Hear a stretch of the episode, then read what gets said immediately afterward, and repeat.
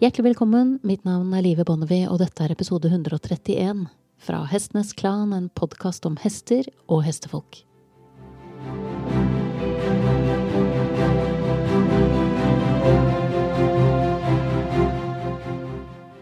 Som jeg sa i innledningen til denne serien Hestekvinner snakker om hest, så er det få ting jeg har lært mer av enn lange nattlige samtaler med andre hestekvinner.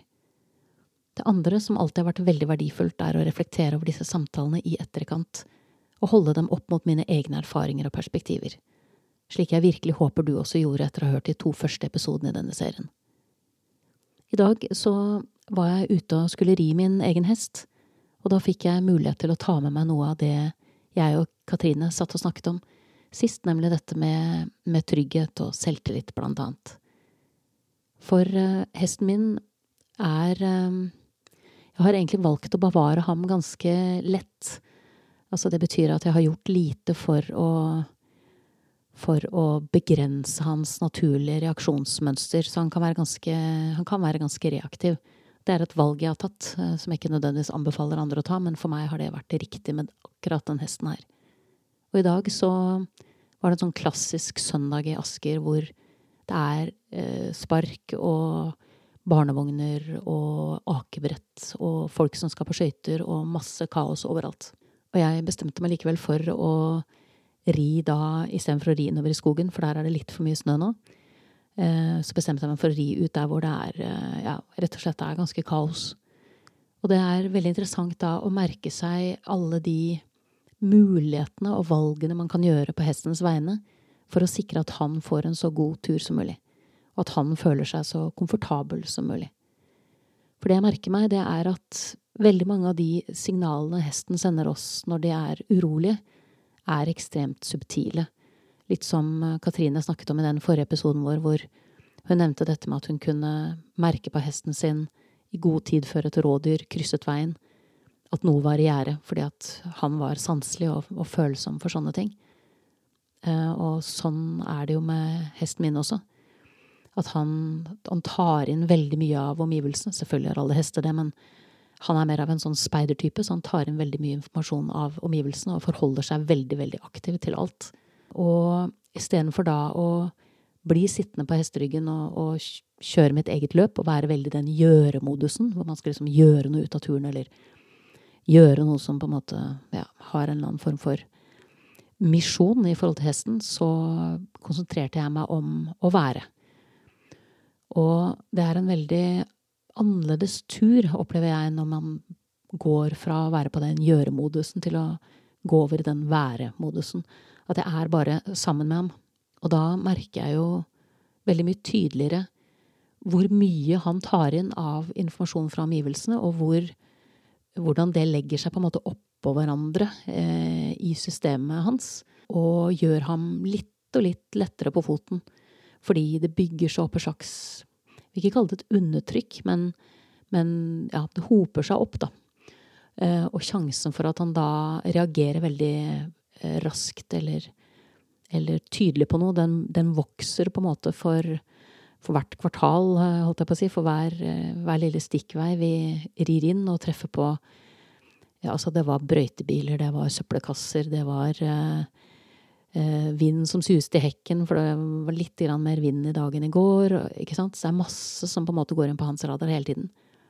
Og istedenfor å tenke at hans jobb er å høre på meg, så prøver jeg da bare å være med ham, og på et eller annet tidspunkt så kjenner jeg at den riktige tingen å gjøre er å gå av Eh, å gå ved siden av ham en stund og hjelpe ham til å finne mer, mer av en ro, da. Ro i steget, ro i, i, hodet sitt, rett og slett. Og jeg går da gjennom dette villastrøket som ligger i nærheten av stallen. Det er ikke så veldig ofte jeg rir her, men jeg gjorde det i dag, for det var veldig greit uh, føre. Nå er det jo Ute hos oss er det hardpakka snø overalt, så det er veldig sånn fint rideføre, egentlig. Så går jeg da ved siden av ham, og og han er, går akkurat litt fortere enn det han normalt gjør. Og da tenker jeg at min jobb da blir å hjelpe ham til å finne en ro i steget sitt, og finne en ro i seg sjøl, for det er, det er, ikke egentlig noe ok å gå på tur og være stressa på tur. Det er liksom en annen type tur. Uh, og da blir jeg som en, en, veileder som går egentlig ved siden av ham og minner ham på at vi kan, vi kan ta det roligere. Uh, og jeg snakker mye om det i podkasten her, denne balansegangen mellom det å være på en måte sjef, det å være leder, eller det å være en kødd, som jeg jo stadig refererer til også, for det er, det er så fort gjort å bli for ivrig i å skulle bestemme alt. Uh, og da tenker jeg at det å på en måte gå inn og være en leder eller en veileder for ham i forhold til å hjelpe ham til å, til å ikke være på en oppadgående spiral, men å hjelpe spiralen til å på en måte gå nedover igjen og finne en slags ro i steget igjen, og en slags ro inni seg, da. Uh, og på det tidspunktet hvor jeg da velger å gå av og gå ved siden av ham, så, så er han egentlig langt inni seg begynt å bli ganske på tuppa, men fordi, fordi han er en uh, hyggelig og ordentlig hest på veldig mange måter, så, så holder han det på en måte mest for seg selv. Men jeg ser, fordi jeg kjenner ham, at, at dette bygger seg opp og blir ikke ubehagelig for ham, men, men unødvendig masete, på en måte. Da. Og da er det veldig godt å erfare at det å da gå ved siden av ham uten å mase seg opp, eller uten å liksom Han må gå bak meg, og ikke, ikke styre på med de tingene, men bare veldig rolig være uh, Være et menneske som er til stede for ham med en ro som han kan støtte seg på, hvis han ønsker det. Og det var den type tur vi fikk i dag, at jeg går ved siden av ham, og hvis han blir veldig rask i steget sitt og plutselig på en måte ligger godt foran meg, sånn at jeg blir gående ved skulderen hans, eller til og med litt bak skulderen, så bare øh, snur jeg meg veldig sånn rolig, uten at det blir noe abrupt eller sånne ting. Men da bare snur jeg meg veldig rolig, og så går en volte, så han kommer på en måte inn bak meg eller på siden av meg igjen. Uh, og så går vi rolig videre, sånn at jeg hele tiden på en måte hjelper ham til å si at uh, du kan gå her med meg. At de gangene han liksom går såpass langt foran meg at, at jeg kommer så vidt bak skulderen hans, så, så tar disse her små uh, voltene som ikke er sånne kavete 'nå hører du på meg' og går sånn som jeg syns volter, men bare de sånne rolige sånn nøsta meg inn igjen, på en måte, og minne han om at det er han og jeg, og vi er på tur sammen. Vi, vi opplever dette sammen. At han ikke på en måte bare faser meg ut, da glemmer seg og på en måte bare går på. Og eh, det som skjer da i løpet av denne turen, det er at han sakte, men sikkert finner denne roen. Hvor han er komfortabel, og hvor vi kommer i situasjoner hvor det egentlig er gode grunner for ham til å reagere, men fordi han da er i en så rolig modus, og vi er så i det sammen, da. Vi er liksom deler en sånn væren-tilstand. Det er litt vanskelig å forklare, men hvis du har kjent det, så vil du vite akkurat hva jeg snakker om. Og da når man plutselig et punkt hvor hva som helst kan skje rundt. Uten at pulsen stiger et hakk i det hele tatt. Man bare beholder den felles roen som man har klart å finne. Og så når jeg da har tenker Vi var jo kanskje Vi var ikke lenge ute, en halvtimes tid kanskje, noe sånt. Og så er vi på vei tilbake til stallen, og så setter jeg meg opp Eh, etter å ha på en måte sjekket av at det er ok for ham. Eh, og så, når jeg da rir videre, så, så klarer han ved hjelp av at jeg er veldig sånn på, altså oppmerksom akkurat når jeg setter meg opp på liksom At jeg tar med meg den energien som vi delte på bakken, opp på hesteryggen. Og da klarer han eh, å beholde den felles roen som vi har hatt. Eh, i, også i situasjoner der hvor det skvetter liksom bikkjer og akebrett og skiløpere rundt hist og pist. Eh, for da er det han og jeg på tur sammen, og om det er liksom 100 mennesker rundt eller ingen, det betyr ikke noe når man kommer til det punktet. Og um, jeg tenker at det er så viktig at vi tar inn over oss at den roen som hestene trenger, og som de liker veldig, veldig godt, den er det vår jobb mange ganger å, å, hjelpe til med at de får. Altså at vi er en slags veileder eller støttespiller i å målbære eh, den roen. Eh, og gi dem rett og slett sånn sett noe, ja, i mangel av bedre ord, noe å lene seg til, da. Og så, når vi kommer da opp og på en måte er tilbake fra turen, og jeg saler av og, og slipper ham ut, så merker jeg at han er så tilfreds. For at mens vi har vært midt oppi søppelkasser og akebrett og alle disse tingene, så har jeg jo hele tiden vært obs på å rose og oppmuntre ham og, og legge merke til og gjøre et nummer ut av alle de gangene jeg kan se at han tar inn informasjon, men, men prosesserer den på en rolig måte. Sånn at jeg kunne oppmuntre den delen av atferden som er mest behagelig for ham også. Og det er jo å gå rundt og egentlig ha det bra og føle seg trygg. Så jeg hadde en, eh, egentlig en fantastisk god tur. Og en så enkel eh, tur. Så det var så naturlig å bare trekke fram det som som en av mange erfaringer jeg har gjort meg på, at det er ofte de turene hvor Ja, det er alltid de, de turene hvor jeg klarer å være til stede 100% ikke bare med ham, men for ham. Litt som Katrine snakket om oss, i forhold til at det er vi som eh, tjener hestene, eh, ikke bare de som tjener oss. Eh, og, og, se hvor, hvor, stolt han ble, hvor, hvor myk han ble i blikket, eh, og hvor eh, deltakende han er, og hvor også på en måte fornøyd han er med å ha fått den erfaringen med meg. Det er ikke det at ikke vi har hatt den før, men man kan aldri ha de erfaringene for ofte, er min erfaring med hestene.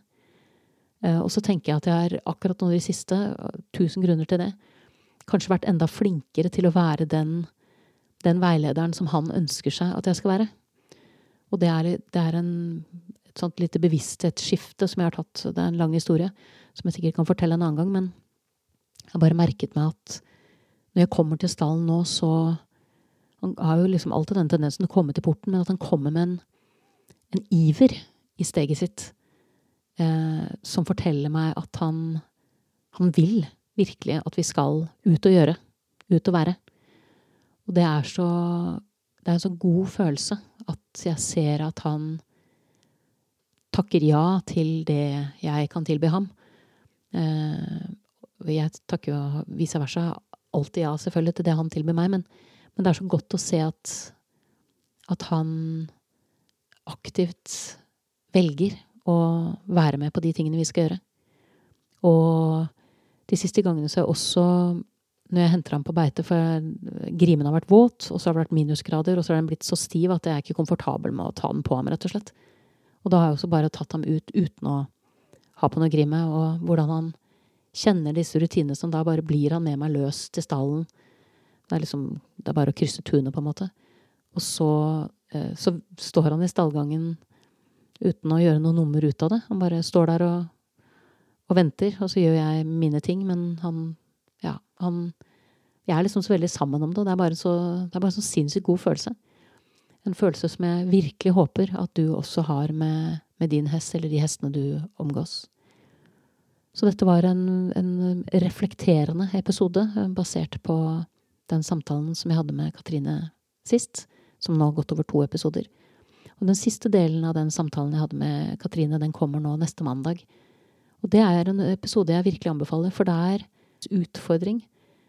Og det er en episode som er veldig tett knyttet opp mot, uh, mot etikk i hesteholdet. Vi snakket jo om hennes blinde hest. Og det, og hvor den der balansegangen i forhold til dette med å kjenne etter om, om dette er på riktig eller feil side av den streken som heter at dette er god velferd. Og nå var jeg også og besøkte en venninne i helgen som har en hest som er blitt såpass gammel at han nesten ikke har tenner til å spise. Og det er jo også en sånn som jeg har hatt podkastgjester som jobber som veterinærer, som sier at hvis hesten ikke kan spise sitt vanlige fôr, så er det, det er på en måte et ganske sånn tydelig tegn på at man kan si at nå er det nok. Mens dette er da en hest som, ja, han har dårlige tenner, men, men ellers er han fin, ikke sant? Og hun er ekstremt flink til å sørge for at han får i seg det han skal ha. Han er i godt hold han er uh, glad og fornøyd. Så, så jeg syns også, når vi skal snakke om etikk neste gang, at det er viktig å det er viktig å huske at det er, dette er ikke svart-hvitt. Eh, god velferd er vanskelig å navigere etter eh, ved hjelp av størrelse som er definert på forhånd. Man er på en måte nødt til å være der med hesten eh, fullt og helt, og så ta stilling til fra dag til dag om man er innenfor det som er akseptabel og god velferd, eller om man er kommet utenfor og i en ideell verden, som jeg har snakket om før også. At man klarer å sette strek før, før hesten mister sin verdighet, eller før avslutningen på livet blir uh, ubehagelig. Så ja, dette ble en veldig reflekterende, fri episode uten manus, men det ligger jo litt til den, den linja som jeg prøvde å legge meg på nå, at ja, at jeg Jeg prøver etter beste evne å ta denne podkasten nå også et sted hvor jeg ikke føler at den helt har vært før. At det blir mer av en Ikke stream of consciousness, eh, det vil jeg nok ikke kalle det, men at formen er litt friere. Jeg trenger det for min egen del i den fasen jeg er i selv også. Og så har jeg en del intervjuer nå som allerede er foretatt, som skal publiseres i løpet av våren, som, som ligner mer på det jeg gjorde før. Jeg har flere intervjuer planlagt som også ligner mer på det jeg gjorde før. Så jeg, jeg ser for meg at jeg har lyst til å gjøre en blanding. Og så håper jeg det er noe du kan klare å henge deg med på. Uh, både delingen av erfaringer og de møtene som jeg har hatt med disse hestekvinnene som jeg allerede har møtt, pluss de som da kommer. Og så har jeg noen gjester som jeg har lyst til å invitere på nytt. Så jeg er litt sånn i prosess også for å se om Ja, rett og slett kose meg litt med å legge en plan for, eh, for resten av vinteren og eh, våren, altså dette vårsemesteret. Så jeg håper du henger på. Jeg håper også at du deler denne podkasten med folk hvis du tenker at de kunne ha glede av den. Det betyr mye for meg at uh, denne samtalen blir så stor som mulig. Um, og så håper jeg å, at vi høres igjen til uka, og det eneste som gjenstår for meg da, er å gjøre som jeg pleier. Jeg takker min faste komponist Fredrik Blom, som er en super uh, svenske, som laget musikken uh, på et budsjett som funka for meg, og som jeg har vært veldig glad for. Jeg syns det har satt liksom den tonen for podkasten som jeg ønsket. Og så har jeg lyst til å takke deg, kjære lytter, for din tålmodighet. Og før jeg ønsker at testen alltid skal være med deg, så har jeg lyst til å takke særlig de av dere som har sendt meg meldinger i løpet av den tiden som jeg har laget denne podkasten, og ganske mange av dere har gjort det nå mellom, mellom nå og nyttår. Eh, refleksjoner rundt gjester som dere ønsker at jeg skal invitere. Historier som dere føler er relevante, og som dere har blitt inspirert til å skrive til meg. Jeg vil bare si at jeg setter veldig pris på den samtalen og det det åpner for. Det er ikke alltid jeg får svart dere i tide, for det er ja, det har vært litt uh, mye nå med lansering av Kampen om Narvik, alle de tingene jeg driver med på min vanlige dagjobb. Men jeg kjenner jo nå at jeg begynner å få livet mitt tilbake, sånn at det er veldig, også en veldig god følelse. Så da skal jeg si det ordentlig. Eh, da gjenstår det bare for meg å takke deg for tålmodigheten, og måtte hesten for alltid være med deg.